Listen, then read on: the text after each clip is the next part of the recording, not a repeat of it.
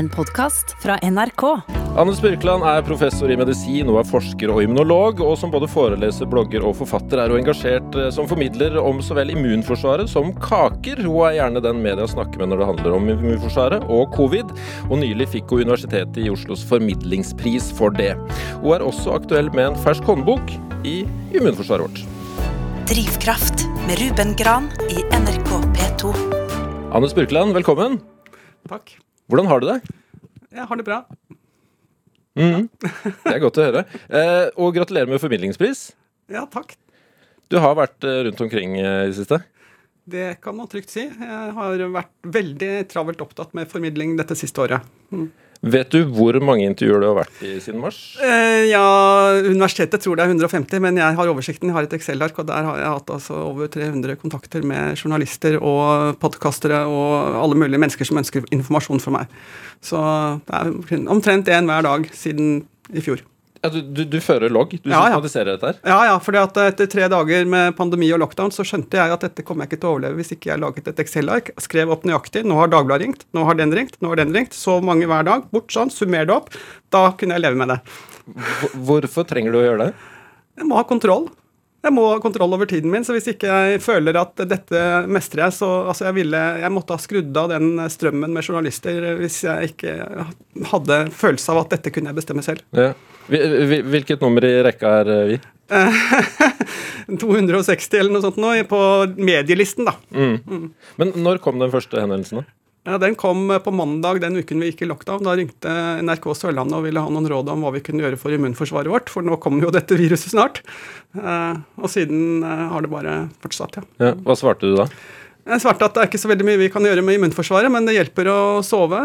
Det hjelper med fysisk aktivitet og ikke være for eh, overvektig. Det Ja. siste er jo ikke så lett å gjøre med, noe med på kort tid. Du hadde jo allerede skrevet en bok om immunforsvaret før eh, pandemien. Ja. Skjønte du i det den lockdownen kom at Ja, det, det sa du jo. At du skjønte at det kom til å bli travelt for deg? Eh, nei, jeg skjønte ikke at jeg skulle få så mange henvendelser, men jeg hadde satt meg opp på en liste over personer som eh, kunne kontaktes angående immunforsvaret, så det visste jeg et par uker før lockdown. Så hadde universitetet spurt vil du være på en ekspertliste. Jeg svarte ja. Eh, og det gjorde jeg jo fordi pga. den boken jeg skrev i 2017, og også pga. En blogg jeg har skrevet siden 2012, så har jeg jo arbeidet med formidling om immunforsvaret jevnt og trutt eh, i mange år. Eh, sånn at jeg følte vel at jeg var eh, bra plassert da, for å snakke om dette. Tross omstendighetene, er det litt gøy at ditt fagfelt er så vanvittig aktuelt? Ja, selvfølgelig. For oss immunologer så har jo dette vært nesten nirvana. Men det er jo ikke så gøy. Man kan ikke si det høyt, da. Men, men det, for oss, eh, jeg vil si oss immunologer, så er det at vårt fagfelt har kommet så i søkelyset, det har vært eh, den positive siden ved pandemien. da. Det er godt å være nyttig. Absolutt, og det er jo også vi som har løsningen på veien ut av dette. Så det er jo immunologer som har laget eh, vaksinene, testet dem ut osv. Så, videre. så det er jo det, vi, det, er det som blir redningen, den immunologi. Mm. Eh, kan du forklare, sånn at jeg potensielt forstår det, hva er immunforsvaret? Hva immunforsvaret er? Ja, det er jo da eh, delvis et organsystem som heter immunsystemet, som består av eh, hvite blodlegemer, beinmargen, noen eh, organer som ingen vet navnet på. eh, Milt, tymus, lymfeknuter. Eh, ja, Så det er immunsystemet. Men immunforsvaret vil jeg si er mye mer enn det. Det er også det andre organsystemer bidrar med. Nervesystemet, leveren, eh, hormonene Altså i grunnen hele kroppen deltar i immunforsvaret på en eller annen måte. Huden er viktig, ja. Så ja. Det slår meg som fryktelig sånn uhåndterlig, fordi det slår meg nesten som noe ikke fysisk. Fordi er, er, alt i kroppen min immunforsvar? Ja, altså Den boken jeg har skrevet, da, håndbok i immunforsvaret, prøver jo å gjøre det som et poeng at immunforsvaret det er eh, på en måte en eh, stor prosess som består av eh, veldig mange ulike funksjoner i kroppen. Og det å da tenke seg at man lettvint kan gjøre noe med det, det er å forenkle immunforsvaret altfor mye. Ja. Så, så ja. Immunforsvaret er jo også en slags konsept. Folk trekker det fram som et honnørord. At man må styrke immunforsvaret osv. Uh, og jeg prøver å ta det litt ned eh, på bakkeplan. da. Sånn, hva er det egentlig det handler om? Og det det egentlig handler om, det er å holde kroppen frisk nok til å få genene videre til neste generasjon. Så frisk nok til å få barn. Det er Ja. eh, målet. Det er målet. Eh, du har sagt noe, noe slikt som at eh, nå lever vi med konsekvensene av immunforsvaret vårt. Ja, det sa jeg tidlig i pandemien. Fordi det pandemien jo da dreide seg om, er at det har kommet et eh, virus til oss som vi ikke har sett før. Og altså er ikke immunforsvaret forberedt på det heller.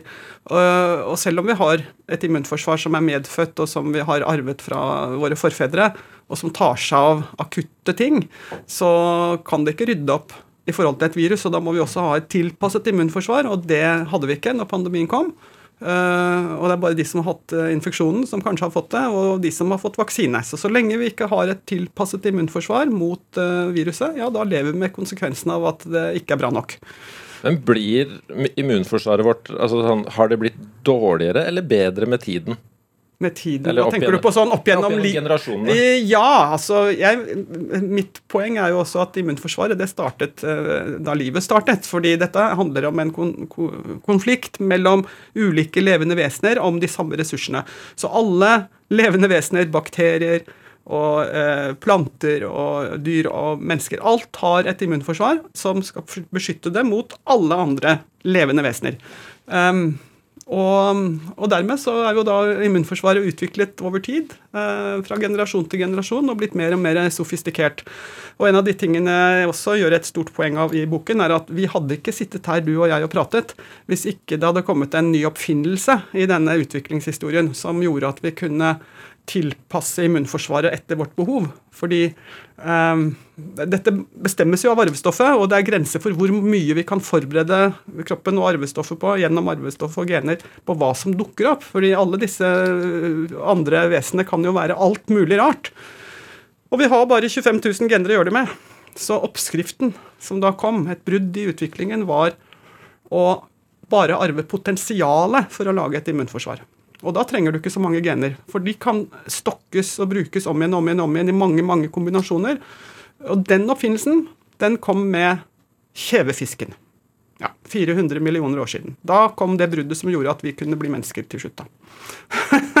Og det er det tilpasset immunforsvaret. Ja, Fordi det, nå om dagen så Jeg, som mange andre, sliter med at det er pollen i lufta. Ja. Eh, så har jeg hørt folk si bare det er fordi forfedrene dine vaska seg, vaska seg for godt.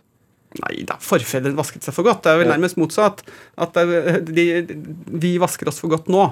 Vi må huske på at alt som har med immunforsvaret å gjøre, er resultatet av en utvikling som har vært over mange mange, mange generasjoner. Vi har levd eh, med vårt samfunn akkurat nå, med all rensligheten, bare i tre generasjoner. Så det er klart at immunforsvaret er utviklet for noe helt annet, nemlig at vi har levd i skitt og møkk og jord og bakterier overalt. Og da var ikke pollen noe problem. Det var jo ikke nødvendig å bry seg om, for det var så mye annet å bry seg om. Aha. Mens nå som vi da ikke har all den der skitten og jorda og alt sammen eh, tett innpå oss, da, da har immunforsvaret mindre å gjøre, så da kan eh, begynne å konsentrere seg om sånne ja, pollen og andre ting som dukker opp. Så det er rett og slett for at det skal ha noe å gjøre? Ja, eller i hvert fall så fordi de ikke har for mye å gjøre på andre sider, så har det tid til å lure på hva pollen er for noe. Og det kan det bli problemer av, da. Ja, ja det, jeg kan leve med det. Heldigvis. ja, ja. Men hva, hva gjør en eh, covid-infeksjon med, med immunforsvaret vårt? En Covid-infeksjon ja, det er jo et virus som kommer inn i cellene i luftveiene. Og eh, virusets mål er å lage nye virus. Så det er eh, misjonen der. Og det vil tvinge våre celler til å produsere flere eh, koronavirus. Eh, og når du får flere koronavirus i halsen, så vil de komme ut med spyttet mens vi prater sammen. så vil det stå, Hvis jeg hadde vært smittet, så ville det vært en liten sky da, av virus rundt meg som kunne gå over til deg. Det er målet. Eh, vanligvis så oppdager kroppens celler at et virus er kommet inn i cellen. Det er jo det strider mot cellens mål, nemlig å overføre genene videre. Kommer det fremmede gener inn i cellen, så er det farlig. Så det er mange forskjellige måter å oppdage det på. Eh, og vanligvis så blir det da gitt beskjed til kroppen om at nå skjer det noe. Nå må du foreta deg noe. Mens koronavirus er spesialist på å hindre at den varslingen skjer. Så det kan gå flere dager før kroppen får nok signaler til å skjønne at nå er det en virusinfeksjon, at man får feber og føler seg syk. Så man går flere dager, lager virus, merker ingenting. Det er et av særtrekkene ved denne infeksjonen, at den kan lure immunforsvaret i en del dager før det skjer noe mer. Og da har det jo spredd seg mange steder, da. Hva gjør at forskjellige mennesker reagerer forskjellig på det? Er det immunforsvaret hos den enkelte som er annerledes? Ja, det, det, kan det godt være. Det kan være forskjellig hva slags eh, infeksjon man har fra før. Kanskje man er litt forkjølt allerede. Da er det ikke like lett å lure cellene. Så da kan det være at, at uh, koronavirus blir tatt med i samme dragsuget. Så at barn har sluppet så lett unna i pandemien. Det kan jo være fordi at de har mange andre infeksjoner de også holder på med. Ehm, det kan være at man allerede har antistoffer mot et virus som ligner dette koronaviruset. Man lurte på om vanlig forkjølelseskoronavirus kunne være, gi en beskyttelse. Slik at eh, ja, det er fire forskjellige koronavirus som gir vanlig forkjølelse, som vi har hatt i mange år. Og kanskje de har gitt en viss beskyttelse til noen. Og så er det jo litt forskjellig hvor raskt immunforsvaret reagerer. Vi er genetisk forskjellige, det er små nyanser, sånn at eh, vi er ikke prikk like. Og Det kan også forklare det. Og så kan det også ha betydning hvor mye virus fikk du inn i kroppen. Hvis du står på god avstand og får eh, to virus inn i halsen, så er ikke det den samme belastningen som om du får en kjempedose hvis du er tett på. Så alle disse tingene kan forklare hvorfor det er så forskjellig forløp. Kan man gjøre noe for å styrke immunforsvaret? Du var så vidt inne på det, men Ja, eh, jeg vil si at nei, det kan man egentlig ikke. Man kan uh, gjøre noe for å hindre at immunforsvaret blir dårligere enn ditt uh, genetiske potensial. Så du kan på en måte komme opp til en slags nivå der genetisk sett dine forutsetninger er der.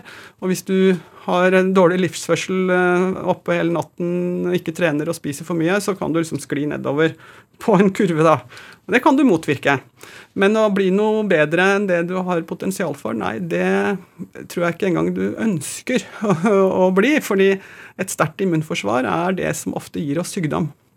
Sånn at eh, mange sykdommer skyldes at immunforsvaret eh, reagerer for sterkt og uh, uhensiktsmessig på utfordringer. Så å ta kosttilskudd og spise mye grønt, det er ikke nødvendigvis for å uh, heve immunforsvarets uh, potensial? Nei, mer å hindre at den blir for dårlig.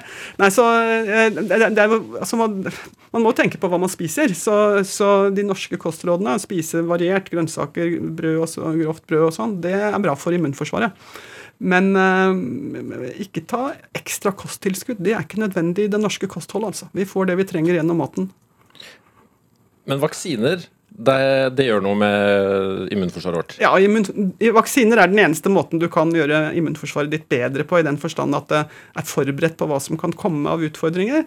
Eh, sånn at eh, når vi nå får en covid-vaksine, så tar vi den i stedet for å vente på at vi blir syke. Og da vil vi eh, forhåpentligvis da ikke bli noe spesielt syke hvis vi får viruset. Det er det beste du kan gjøre for immunforsvaret. Ta imot de vaksinene du får tilbud om. Eh, og, og dermed unngå en del infeksjoner som ellers kunne gi en god del uhelse. Var det, var det åpenbart tidlig i pandemien at løsningen her, det, det, er vaksine? Ja, det var iallfall det jeg håpet på. Jeg sa jo veldig tidlig at den sykdommen vil ikke ha, for jeg syns den eh, hadde så uf, uforutsigbart forløp. Mange har jo kommet seg gjennom covid-infeksjon uten noe spesielt trøbbel ubehag og feber noen dager og sånn. Ja, men ikke dødelig sykdom. Men det var ikke lett å finne ut av hvem det var som da kom til å få en veldig alvorlig forløp, så jeg vil heller ha vaksinen. Mye mer forutsigbart. Men da, da pandemien startet, så var det jo på ingen måte sikkert at vi ville klare å lage en vaksine som kunne beskytte. Det, um, det var gjort arbeid med å lage koronavirusvaksiner tidligere. Ikke med fullt trykk, for det var ikke så mange som betalte for det. Men, eh, men eh, det, var, liksom, det, var, ingen egentlig gode eksempler på at dette kunne bli vellykket. Eh, men når pandemien kom, så var jo plutselig pengene der og ressursene, og veldig mange flere begynte å jobbe med det. Så jeg vil si at vi har hatt flaks. Vi har vært flinke, men vi har også hatt flaks med at vi nå har fått disse vaksinene såpass raskt. Ja, for er det vellykket? Man hører jo daglig oppdateringer om hvilke vaksiner som er ålreit å ta, hvilke som frarådes. Eh. jeg tror vi må si i det store perspektivet har dette vært veldig vellykket. Og, og, de vaksinene man hører om i avisen, alle de er gode vaksiner og gir beskyttelse mot covid. Det som det har vært skrevet om, og som senest i går var en nyhetssak, var at eh, to av vaksinene som er basert på en spesiell um, virusteknologi, hvor man bruker et ufarlig forkjølelsesvirus som eh, si, som bærer i vaksinen, og, og putter litt korona eh, inn i et forkjølelsesvirus. Den teknologien har eh, medført eh, noen, en veldig alvorlig bivirkning som ingen forutså. Ingen visste at det gikk an å få, men konsekvensene har da vært dødelige for eh, flere mennesker i Norge. Og, og det hører du om. Men vaksinen, den, de adenovirusbaserte vaksinene er allikevel veldig gode og blir brukt de stedene hvor eh, infeksjonstrykket er stort og sjansen for å få alvorlig covid er stort. Da blir måte risiko veid opp mot uh, nytte. Uh, det går i vaksinens favør.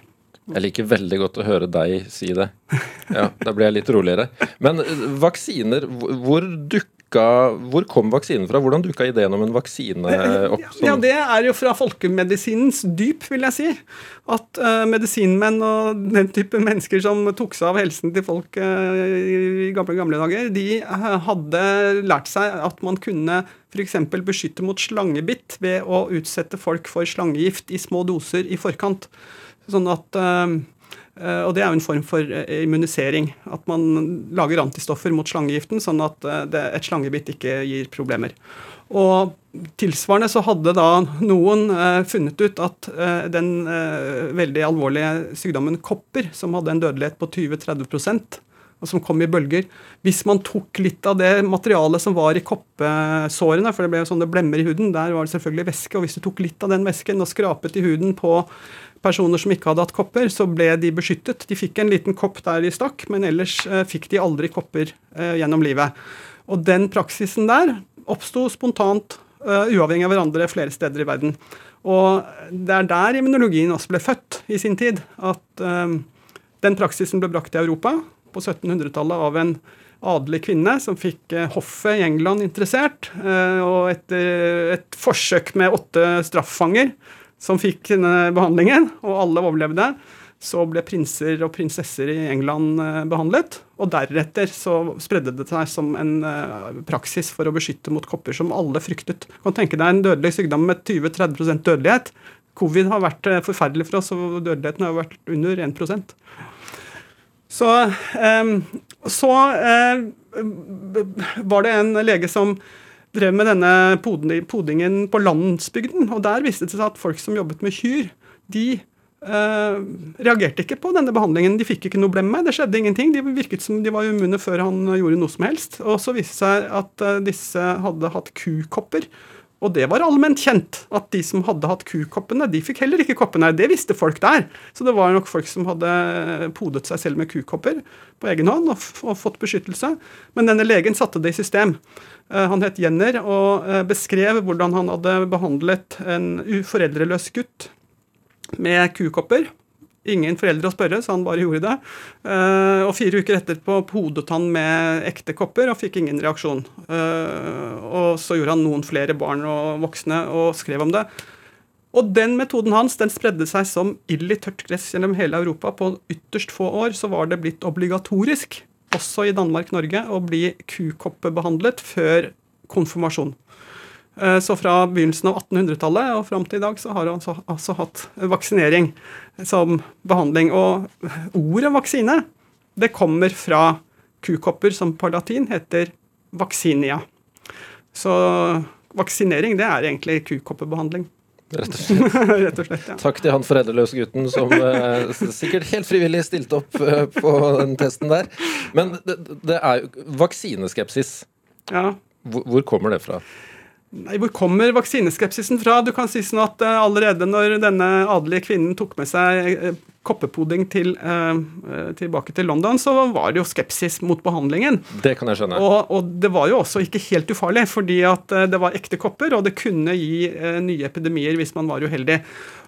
Hun selv, hun het lady Montagu, hun klagde over at kirurgene som tok opp praksisen, ikke gjorde det ordentlig. Altså de de mannlige kirurgene som gjorde behandlingen, de stakk så dypt, skar skikkelig ned og puttet inn koppene, og det, det ble det infeksjoner av. Mens den, det de egentlig skulle gjøre, var bare å rispe i huden. Så lady Montagu trodde at det var metodeproblemer. Eh, men i hvert fall det var en del motstand mot behandlingen. det var det. Og på samme måte med kukoppbehandling. Det er motstand mot det også. så Det var kanskje derfor det ble gjort obligatorisk. Så det har alltid vært motstand mot vaksiner. Eh, og når jeg har sett på dette tidligere, så har jeg sett at de som har vært skeptiske til vaksiner, har jo hjulpet vaksinesaken fordi de har eh, latt være å vaksinere seg. Og så har man jo observert da, at de som ikke har vært vaksinert, de har fått de sykdommene som man har ønsket å beskytte mot, mens de som har fått vaksinen, de har vært beskyttet. F.eks. når difterivaksinen eh, ble innført i eh, USA så fant de ut at dette måtte de prøve på skoler, for der hadde de full kontroll over befolkningen i flere år. Barn, de hadde kontroll på de barna. Så ble det sendt lapper med hjem fra skolen. Vil du la ditt barn behandles med denne nye øh, vaksineringen? Uh, ja eller nei. Og de som da, Det var ca. halvparten som sa ja, og halvparten som sa nei. Og de, uh, de, neste to eller tre vintrene så fulgte man jo med på da, hvor mange barn som ble lagt inn på sykehus. Og de barna som uh, ikke var blitt behandlet, ja, det var de som var i overvekt på sykehusene. Så kunne man jo da se at de barna av foreldre som bekymret seg, de var mest utsatt. Så jeg kan stort takk til antivaksere og bekymrede folk, for de har vist at vaksiner virker. Men kan du forstå vaksinenektere i 2021? Jeg syns det er vanskelig å forstå, men, men samtidig, det som uh, jo er et faktum, er at dette har vært så vellykket at de sykdommene vi vaksinerer mot, er blitt ukjente. Folk vet ikke hva det er det handler om. Uh, mange av disse sykdommene var skremmende. Polio, f.eks igjen en sykdom som hvis det hadde vært dagens eh, medisin, altså hvis vi hadde hatt polioutbrudd i Norge i dag, så kan jeg forsikre deg om at eh, alle foreldre hadde vært helt fra seg av engstelse for den sykdommen. Det ga en, en lett eh, forkjølelse eller litt diaré. altså Helt upåfallende sykdom. Barn har sånne hele tiden. Og plutselig en morgen, så er et barn som har hatt denne litt upåfallende sykdommen, plutselig en morgen kan ikke stå opp av senga fordi barnet er lam mistet funksjonen i en arm eller en fot eller et eller annet. Noen av barna ble alvorlig lammet, så de kunne ikke puste selv engang. Uh, og det å ha den eh, frykten hengende over seg, at dette kan skje mitt barn uten å ha noe å stille opp med, Altså Det er der det kommer fra. Og det var sånne mødre og sånne familier som da begynte å samle inn penger for å lage en vaksine mot polio. I USA så var det en kjempestor innsamlingsaksjon for å få finansiert å lage vaksine. Og det lyktes, så det kom to vaksiner ut av det som fortsatt er i bruk. Apropos barn, du har også barn? Jeg har barn. Ja, Og du har med, du har med musikk eh, fra Etiopia. Ja. E, e, et land du kaller ditt andre hjemland. Ja. Hvorfor? Hvorfor gjør du det? Ja, Det henger jo sammen med barna, for de er adoptert fra Etiopia. Uh, og de er jo blitt voksne nå, da. Men da første gang jeg reiste til Etiopia for å bli mor, så det var i 1994 um, og det begynner jo å bli nesten 30 år siden. Så, eh, så, bestemte jeg meg for at eh, det barnet skulle jeg snakke med. Så et barn på ett og et halvt år, og eh, jeg eh, måtte kommunisere med det barnet. Så jeg lærte meg litt eh, amharisk. Jeg og min mann lærte oss amharisk. Skrev ned alle de ordene som man sier til barn, sånn trøsteord eh, Ja, god gutt og dette går bra, og vil du ha mat og brød og melk, og kom hit og gå dit og ta imot denne ballen og hva den er for noe. Alt dette her lærte vi oss, og kommuniserte hyggelig med han fra start. Eh, og så adopterte vi et barn til. Vi lærte oss mer ord. Og så har vi reist tilbake til Etiopia gang etter gang, og for hver gang jeg har vært i Etiopia, så har jeg lært meg mer. Så nå vil jeg si at jeg snakker bedre amharisk enn det veldig mange nordmenn som har bodd i Etiopia i flere år, har gjort. Og når jeg snakker med folk i Etiopia, så lurer de på hvor lenge har du bodd her? Og så sier jeg at ja, jeg kom til Etiopia i forgårs. Og da bare sier de what? og det syns jeg er litt morsomt, da. Og det er også sånn at når vi er i Etiopia med familien, så, så alle, jo, alle, der kjenner igjen våre barn som etiopiske. Så de begynner å henvende seg til våre barn på etiopisk, som de ikke kan snakke. Ja, for, ba for barna dine snakker ikke etiopisk? Nei, nei, det gjør de ikke. De kan noen ytterst få ord, men de, nei, de snakker ikke det. Så da er det jo jeg som tar ordet, da. Og da er det bare sånn ser de på barna, så ser de på meg, og så får de det ikke til å stemme. Og det syns vi også er ganske morsomt, da. Men den sangen eh, vi skal høre nå, med ja. Lish Mikael Ja, Litch Mikael. Litch Mikael. Mm, mm. Hvordan eh, oppdaga du den? Nei, Den oppdaget jeg på den siste turen vi var i Etiopia. Det begynner ett og et halvt år siden. Altså Vi var der i september-oktober 2019. Og dro bl.a. til byen vår eldste sønn eh, er opprinnelig fra for vår svigerdatter skulle få se det. Så vi dro til Jimma, og uh, min sønn liker ikke å fly, så vi ikke, ville ikke fly tilbake. Vi fløy til, men ville kjøre bil tilbake, og denne bilen skaffet jeg da gjennom noen kontakter og diskusjoner. Jeg ville jo ikke betale så mye i det hele tatt, så jeg skaffet en bil. Var to sjåfører. Vi stilte opp da om morgenen fra hotellet og skulle kjøre av gårde, og stemningen var ganske god, og de spilte den sangen der. Og da følte vi liksom at nå er vi på tur, dette er gøy. Hører med til historien at turen var ikke fullt så gøy etter hvert, men eh, ja. Hva skjedde? Nei, hva som skjedde? Nei, disse to gutta vi kjørte med som hadde denne kule musikken, de eh, hadde, gikk og kjøpte en stor porsjon med chat. Altså de her eh, narkotiske bladene som de tygger, og sjåføren begynte å tygge katt. Katt heter det. Og det vet jo vi at det uh, ikke er bra kombinert med bilkjøring. Og vi ville rekke et fly, og vi ville også overleve dette her. Og det er ikke så trygt å kjøre bil i Etiopia, så den kombinasjonen av kule gutter, kul musikk og katt, og vi skulle rekke flyet Jeg fikk mer og mer kjeft bakfra. Jeg satt foran og skulle si fra til dem at de må kjøre Fortell dem at de skal slutte å kjøre katt! Men det var, var, hyggelig i starten. Mm -hmm. hva, hva, handler denne sangen om? Den heter Mekketash og handler om en mann som er forelsket i en uh, jente som har flere friere. Og så uh, sier han 'kom til meg, for jeg kan støtte deg og hjelpe deg', og du får fred og, og trygghet hos meg. De andre har dårlige hus, de andre har dårlige greier. Jeg kan hjelpe deg. Mm. Anne Spurkland er dagens gjest i Drivkraft, og derfor så får du Mekketash med Litch Mikael.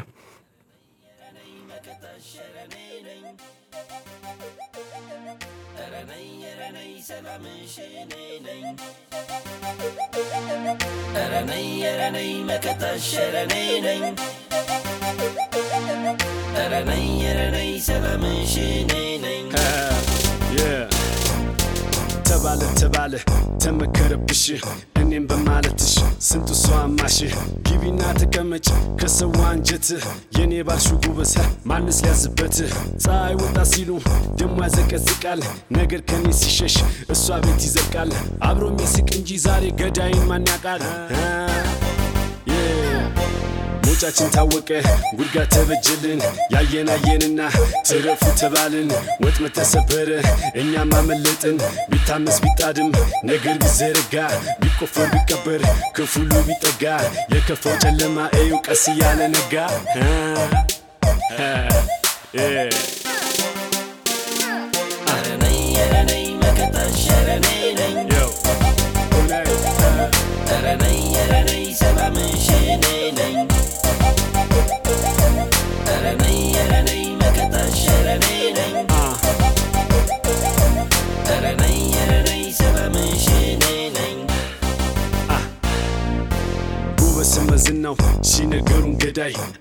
አልደራደርም እኔም ባንቺ ጉዳይ ባንቺማ ከመጡ የለም አለሳለስ እነሱም አያርፉ እኔም አልመለስ። የእነሱ አጥር ሾ የኔ አጥር ደና ነው። ወዲህ እንዳይመጡ እንዳንናወጠው። እንሂድ ካሉ ምራ ውጣ ከማማው። ይቃኛል ዛሬ ጎበዝ ወገብ ያሰረው። አበጀሽ ንኩ ነገር ተበላሸ። የወዳጄ ጠላት ቤቱ በቀመሸ። ወደምታ ቢጎዳም ሲታሽ ይታገሳል። ባፍ የመጣ ነገር በምን ይመለሳል? ከላይም ከስርም ቋሚውም ተመታ ደቡም ተደባሉ ጠዋትና ማታ የቤቴ ማገር ዛሬም አለ በደስታ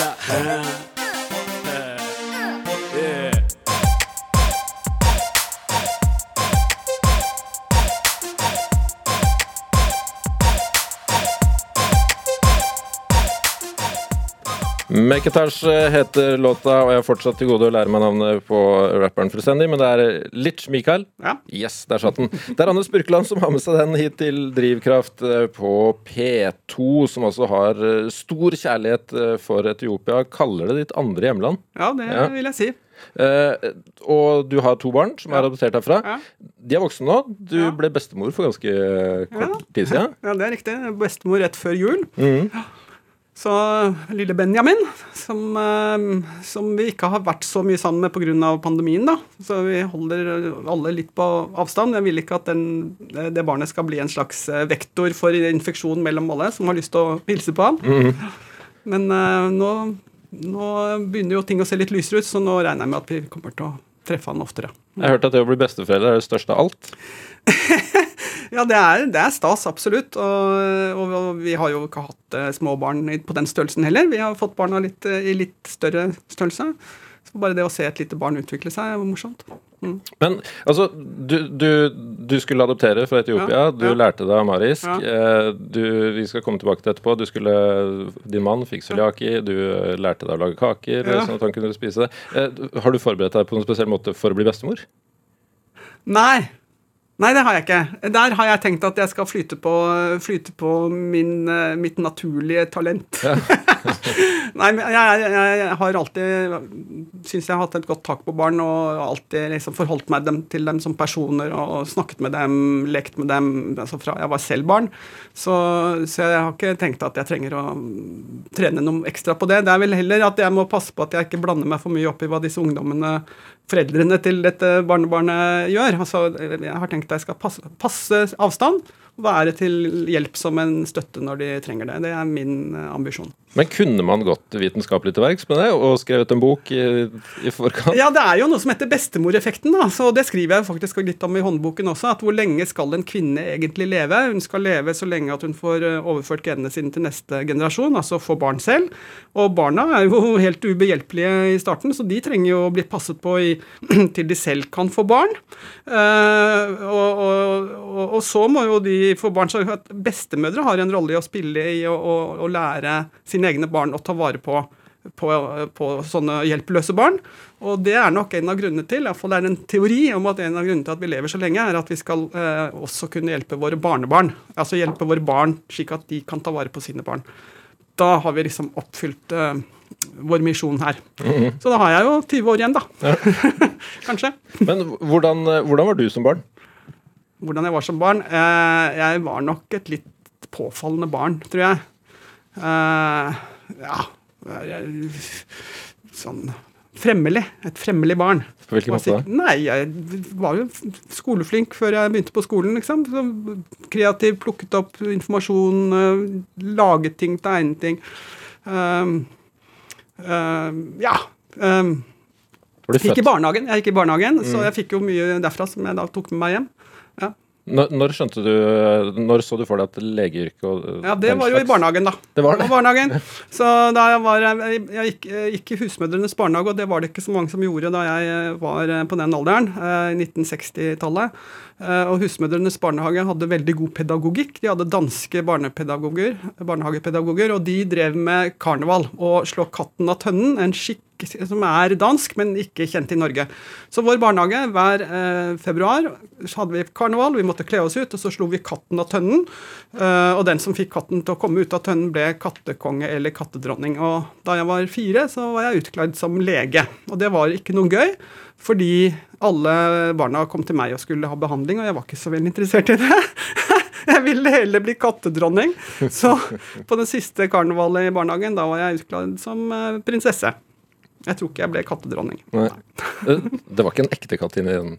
Nei, det var en papirkatt. Så det hørte også med til tradisjonen at vi skulle lage fastelavnsris, og disse fastelavnsrisene skulle pyntes med silkepapirdusker og forskjellige former for katter som skulle henges på dette. Og hver gang det var fastelavn, så kom vi da hjem med disse fastelavnsrisene og satte de selvfølgelig på kjøkkenbordet eller noe sånt, nå, men vi hadde fått streng beskjed av eh, tanten i barnehagen om at de skulle brukes. De skulle ikke bare ses på, så de skulle brukes til å rise foreldrene på rumpen på fastelavnssøndag morgen.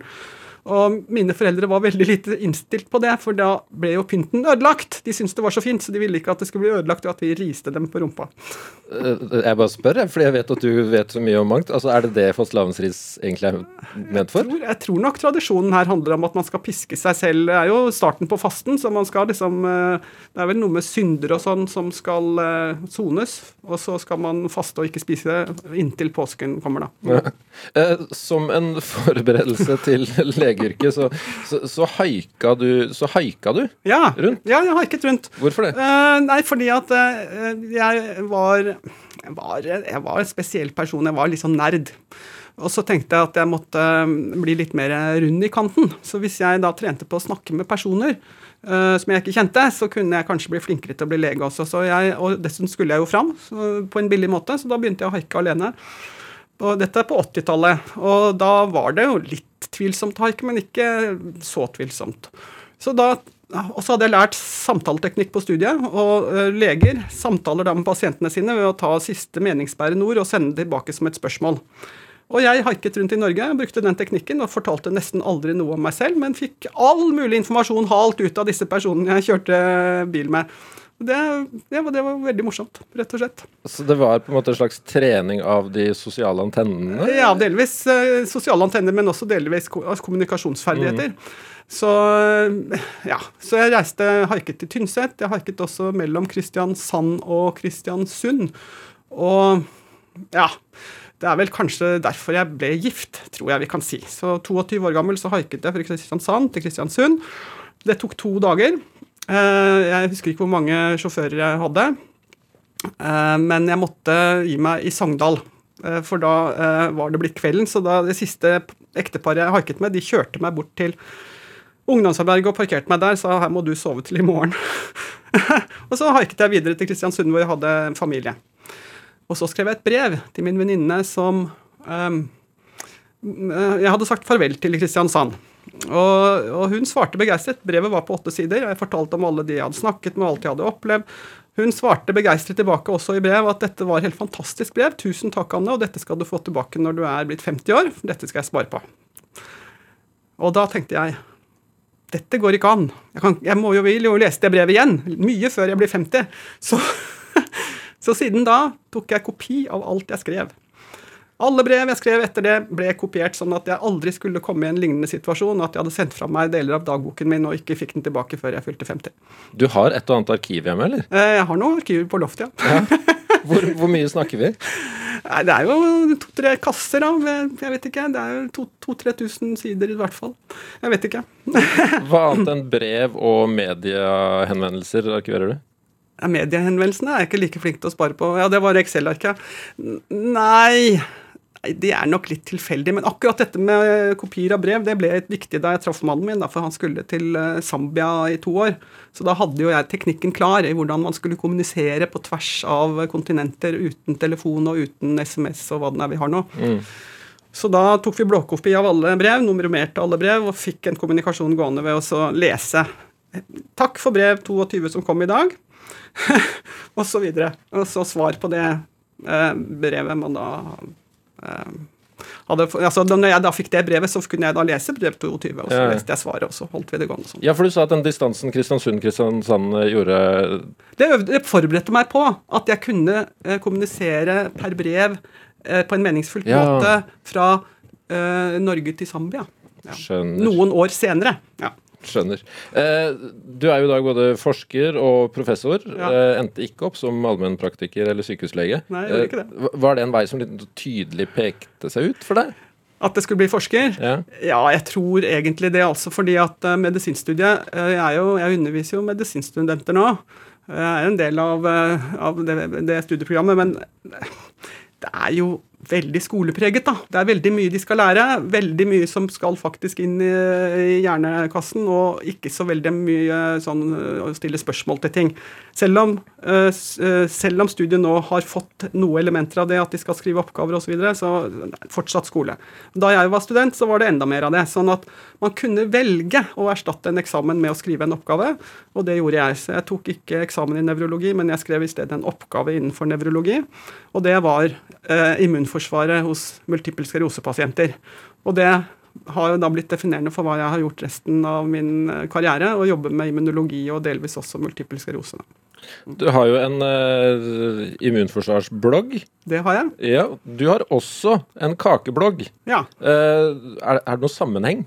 Eh, det er det for så vidt, fordi at eh, jeg, eh, jeg, Som du sa innledningsvis, så fikk mannen min cøliaki, og da hadde jeg bruk for oppskrifter på kaker uten hvetemel. Og jeg har også en venn som ikke spiser egg, så da fikk jeg også behov for kaker uten verken egg eller hvetemel. Og dette her jo, fantes ikke sånne oppskrifter for 12-13 år siden.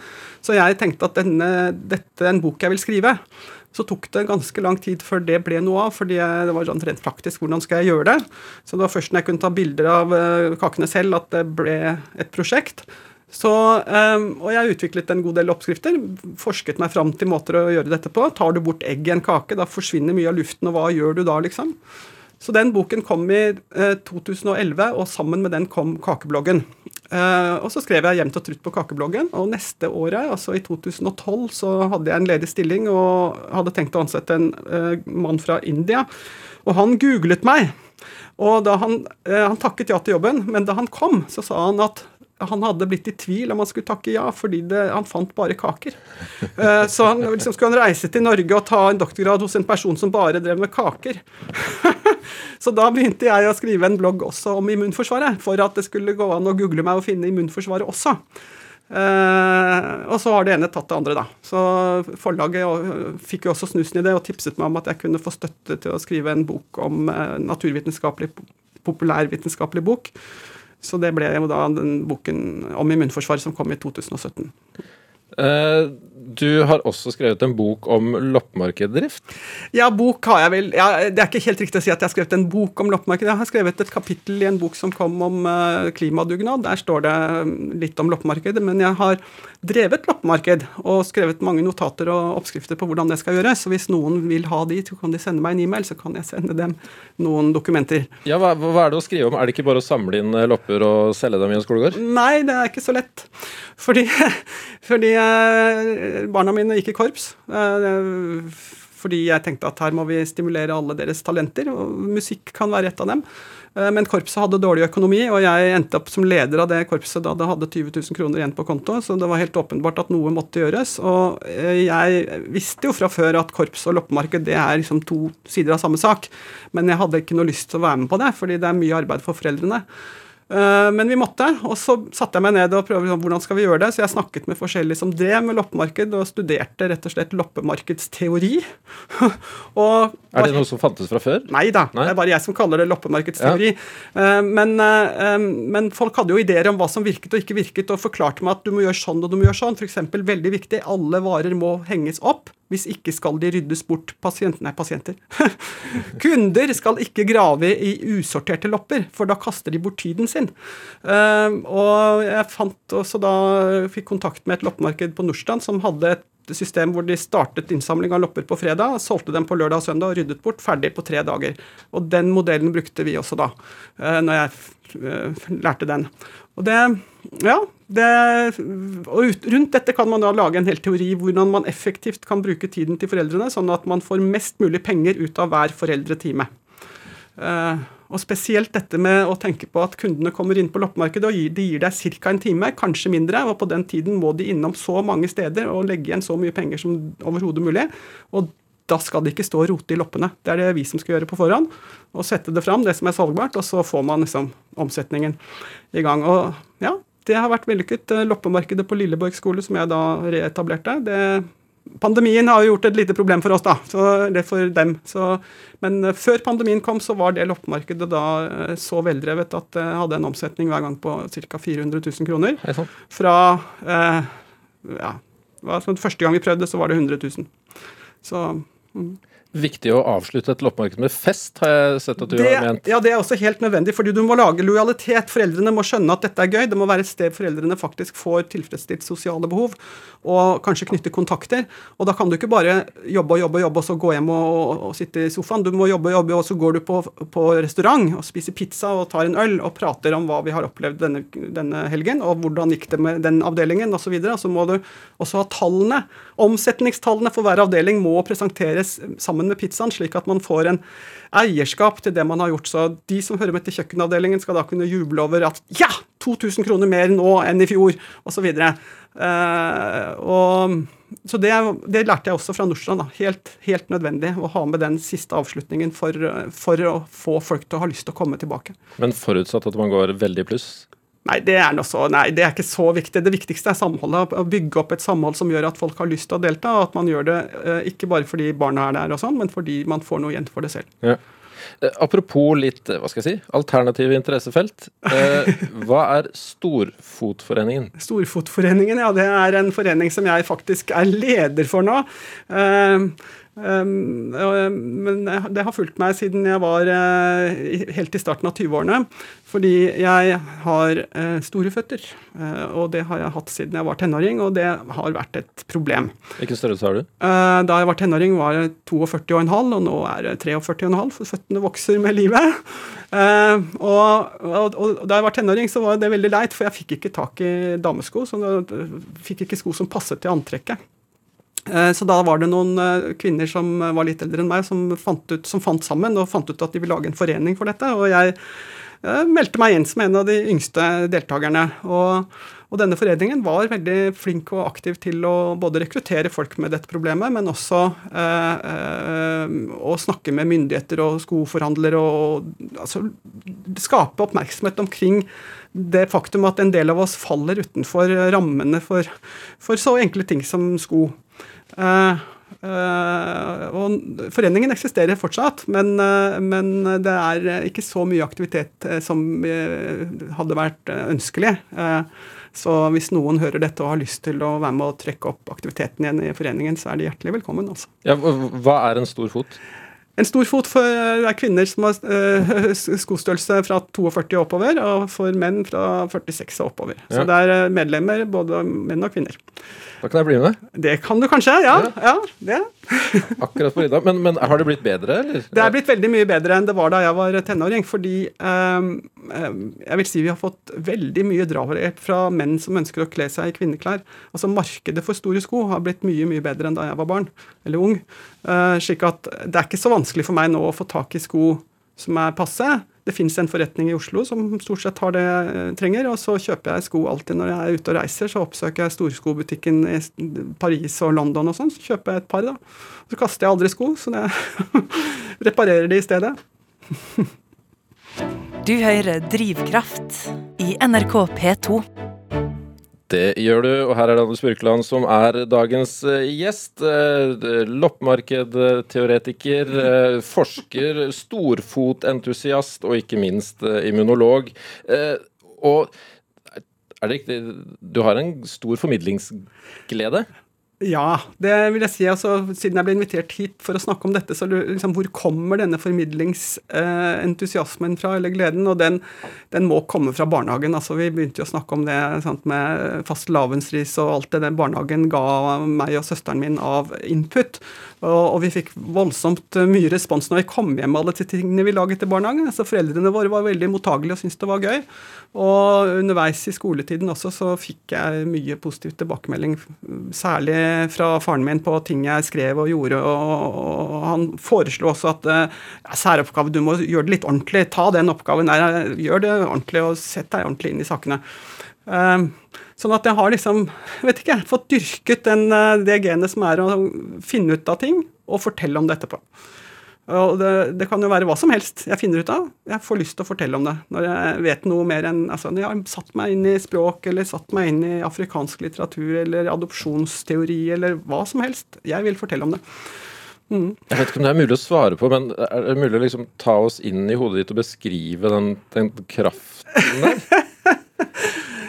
Det er vel en sånn blanding av nysgjerrighet. ikke sant? Jeg er nysgjerrig på å finne ut av eh, Hvis jeg blir satt ut, satt, utsatt for en, en, en, problem eller en utfordring, ja, så vil jeg løse det og gå inn i det litt grundigere enn de fleste andre. Så når jeg adopterte, så leste jeg mye adopsjonslitteratur. Og så ble jeg frivillig journalist i Adopsjonsforums medlemsblad i mange år og skrev om adopsjonsrelaterte ting, intervjuet folk osv. Jeg hadde rett og slett lyst til å, dele kunnskapen min med andre, for jeg så det meningsfylt. Eh, jeg var helt sikker på at andre hadde glede av det, og jeg syntes det var morsomt. Eh, så det er vel en sånn ja, genuin interesse og nysgjerrighet koblet med formidlingstrang. Og eh, hvis du tenker på hva slags jobb jeg har nå, jeg er forsker og underviser, det er jo det vi driver med, noen forskere. Vi er nysgjerrige, vi graver oss ned, finner ut nye ting og formidler det til andre. Det er essensen av hva universitetet gjør. Så sånn sett så har jeg kommet på min rette hylle, rett og slett. Ja. Er det det som er drivkraften din? Det å dele kunnskapen din? Jeg vil si det. det, er, ja. altså, jeg syns det er uh, morsomt Jeg synes det er morsomt å lære nye ting, og jeg syns det er morsomt å formidle det. og Jeg vil gjerne at andre skal ta del i min verden og hva jeg er opptatt av. Og noen syns jo det kan bli litt mye da. F.eks. mannen min syns at det er litt flaut når jeg da sitter i et selskap og holder ordet på det jeg er opptatt av, uten å være helt sensitiv for at andre kanskje syns det begynner å bli litt mye. Ja, Gir han deg noe hint? da? Har du noen sånn hemmelig tegn? Jeg pleier å fortelle meg det etterpå. så han holder ut? Ja, ja. Men eh, nå har jo Universitetet i Oslo gitt deg formidlingsprisen for, ja. for måten du har formidla vanskelig kunnskap på eh, under pandemien. Du, hva er metoden din? Metoden? Um, Altså, jeg, jeg, jeg, Metaforer, eksempler. Uh, og jeg må jo innrømme at det har vært en ganske klar strategi fra min side å skulle gå inn i dette og formidle eh, fagstoffet mitt til allmennheten. Og, og, Kakebokprosjektet var for meg et sånt prosjekt. Det var en start. Jeg visste at det var en start. Jeg ønsket å formidle til folk flest hvordan en forsker jobber. Her har vi et problem. Det er noe med kakene. Hvordan skal man lage dem uten hvetemel og egg? Og så begynne å analysere hva er en kake gjør, hvordan er den bygget opp, hvordan skal den være for at den skal være vellykket, hvilke deler, hvilke kjemikalier, hvilke ingredienser er det i den kaken som gjør at den blir sånn, og hvordan kan vi erstatte det med en eller annen, uh, annen ingrediens. Dette har jeg analysert, forklart, og gjennomført. Og det er sånn forskere jobber. Uh, selv om det er et kakeproblem. Og, og, og, sånn jobber vi også med immunologiske problemer. Hva er det som er problemet her? Hvordan kan vi løse det? Uh, og så fortelle om det etterpå. Så, uh, så når jeg formidler, da, så er jeg opptatt av å prøve å finne noe som ligner på noe annet som folk vet hva er. Sånn at eh, bloggen min er ganske mye preget av at jeg har en introduksjon. Overskriften virker litt sånn kryptisk. Introduksjonen er en eller annen 'sånn har jeg tenkt'. Og det ligner dessuten veldig på hvordan det er i immunforsvaret. og så forklarer jeg det. Og så tilbake til metaforen jeg startet med. F.eks. Eh, filmen eh, 'Django' som handler om en bountyjeger bounty-jeger bounty som skal finne en eh, Skyte ned et, to stykker som har eh, slavedrivere. Og da trenger han en slave som kjenner dem igjen. Og sånn er det immunforsvaret fungerer også. Det fins celler som skal drepe, men de trenger altså noen som kan kjenne igjen de cellene som skal drepe. Og det er et antistoff som fester seg på de cellene det er snakk om. Så da kan man liksom prøve å forklare immunforsvaret ved hjelp av en film som er aktuell akkurat der og da. Gjør du det på den måten i undervisningen din òg? Ja, til dels gjør jeg det. Men det er ikke alltid jeg kommer med nye metaforer. Jeg tror studentene til dels får de samme gamle historiene. Og så når de treffes Å ja, du har studert, så viser det seg at jeg har sagt samme ting i mange år. det går apropos rykter om at du er en veldig, veldig flink eh, foreleser. Ja. ja. men du har også rykte som eh, noen kaller deg Dragen. Ja, jeg, jeg syns det er helt greit å være drage. Jeg syns studenter må ruskes litt opp i. Og de studentene jeg møter helt i starten av studiet, det er studenter som har vært ekstremt flinke. De har kommet inn på studiet, de har lært seg lærebøkene nærmest utenat. Og jeg er nødt til å fortelle dem at hvis ikke de nå legger om stilen og uh, lærer seg studieteknikk, og aksepterer at de ikke kan alt, uh, da kommer de ikke ut igjen. De kommer ikke til å klare studiet hvis ikke de kan uh, legge om stilen. Og de bør legge om stilen også for pasientene sin del, fordi de skal møte pasienter som kommer med alle mulige problemer. Du kan ikke slå opp i en bok for å løse problemet. Du må høre på pasienten, og så må du ta utgangspunkt i det og, og finne ut av hva kan dette være for noe.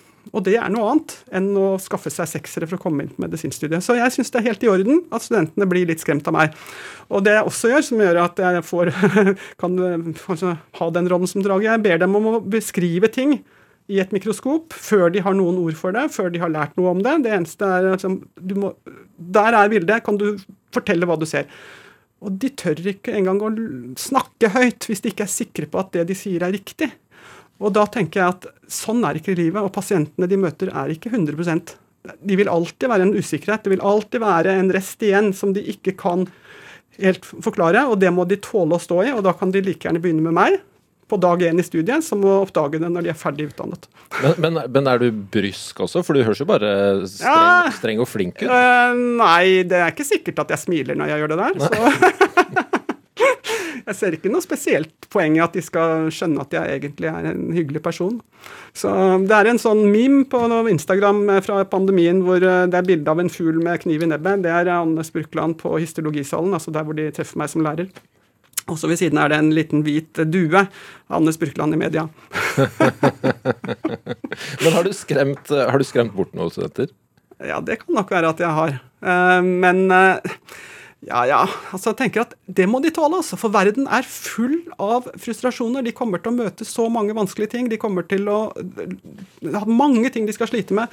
Så hvis de ikke kan tåle meg i noen undervisningstimer, ja, da har de kanskje valgt feil studium. Så jeg tenker at det er greit ja, at de treffer litt motstand i starten, så de kan revurdere valgene sine hvis det er nødvendig. Ja, du fungerer som et slags eh, dørslag Ja, ja. for eh, det virkelige livet? Ja, og jeg er også med å forvalte det faget som heter anatomi. Vi har nettopp hatt eksamen i forrige uke, hvor studentene i tre kvarter må forsvare kunnskapene sine overfor eh, meg og en sensor. Og de er jo redd for dette på forhånd, men de klarer seg jo nesten alle sammen veldig bra, og de opplever det også som en god erfaring. Og jeg tenker at Hvis de ikke kan stå i det og forsvare kunnskapene sine mens noen hører på i tre kvarter, så kan de bli veldig farlige leger. Så, så vi er liksom en dørstokk. De må forbi oss for å komme videre.